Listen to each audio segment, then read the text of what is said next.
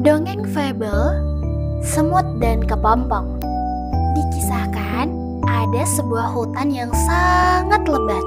Di sana tinggallah bermacam-macam hewan, mulai dari semut, gajah, harimau, badak, burung, dan sebagainya. Pada suatu hari, tiba-tiba datanglah badai yang sangat dahsyat. Badai itu membuat panik seluruh hewan penghuni hutan itu. Seketika, semua hewan langsung panik dan berlari ketakutan menghindari badai yang datang tersebut.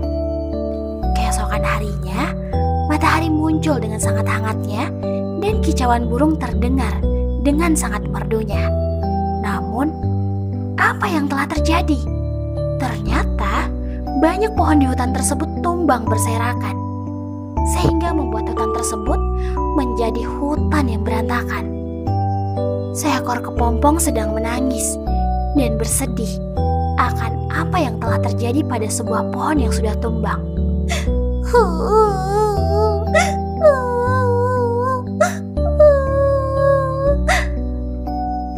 Betapa sedihnya kita diterjang badai, tapi tak ada tempat satupun yang aman untuk berlindung.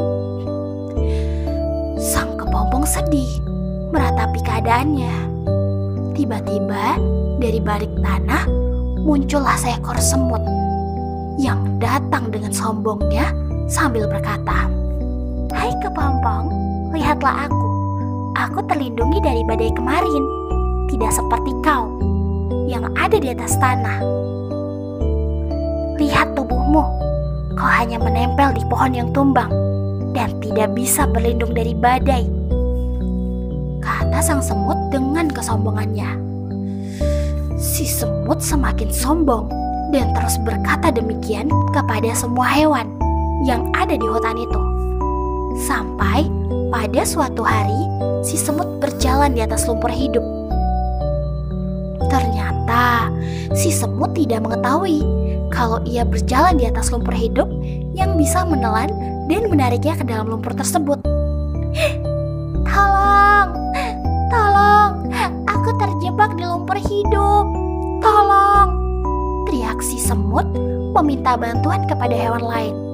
Lalu suara semut terdengar dari atas.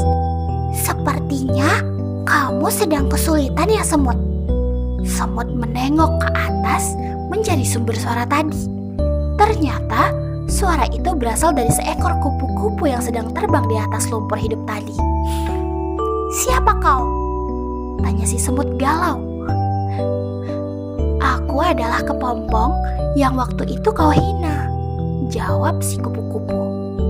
Semut merasa malu dan meminta bantuan si kupu-kupu untuk menolong dia dari lumpur yang menghisapnya.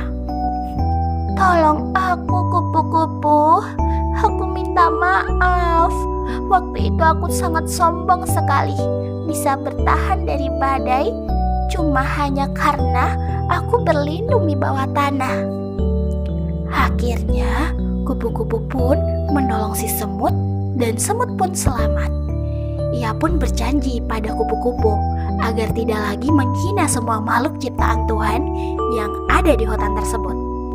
Pesan moral dan pelajaran Pesan moral dan pelajaran yang bisa kita ambil dari cerita dongeng fable semut dan kepompong adalah kita harus menyayangi dan menghormati semua makhluk ciptaan Tuhan.